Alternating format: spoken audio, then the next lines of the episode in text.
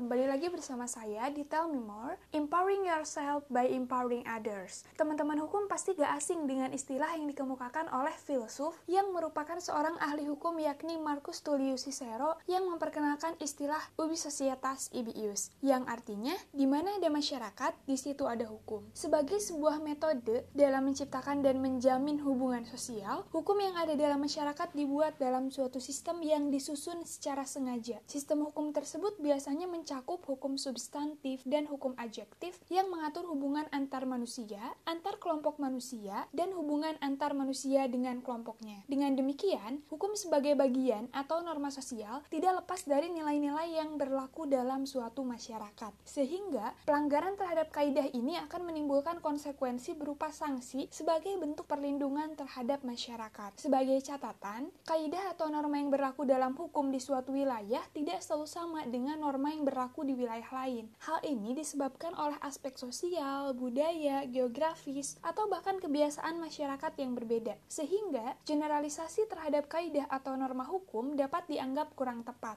Kaidah hukum itu sendiri merupakan peraturan yang dibuat oleh penguasa negara yang isinya mengikat setiap orang dan berlaku dapat dipaksakan serta pelaksanaannya dapat dipertahankan. Misalnya, dalam konteks di Indonesia, yaitu KUHP, KUH Perdata, dan berbagai macam peraturan perundang-undangan. Nilai fundamental dari kaidah hukum itu yakni memelihara kedamaian hidup bersama. Sebagai tata tertib masyarakat, selain bersifat mengatur, kaidah hukum juga memiliki sifat memaksa. Akan tetapi, sifat memaksa dari kaidah hukum itu bukanlah esensial, melainkan membatasi dari kaidah hukum yang esensial. Di dalam norma hukum dikenal juga dengan penyimpangan yang tidak dikenakan ancaman sanksi yang biasa disebut sebagai pengecualian atau dispensasi atau maupun diskresi. Hal ini dapat terjadi dalam keadaan-keadaan tertentu, misalnya keadaan darurat, kepentingan umum, keadaan memaksa, alasan pembenar, maupun alasan pemaaf. Berkaitan dengan berlakunya kaidah hukum tersebut, terdapat landasan-landasan keberlakuan kaidah hukum. Di antaranya ada tiga nih, yakni landasan yuridis, landasan sosiologis, dan landasan filosofis. Landasan yuridis yang menjadikan suatu kaidah hukum itu menjadi sah, sedangkan landasan sosiologis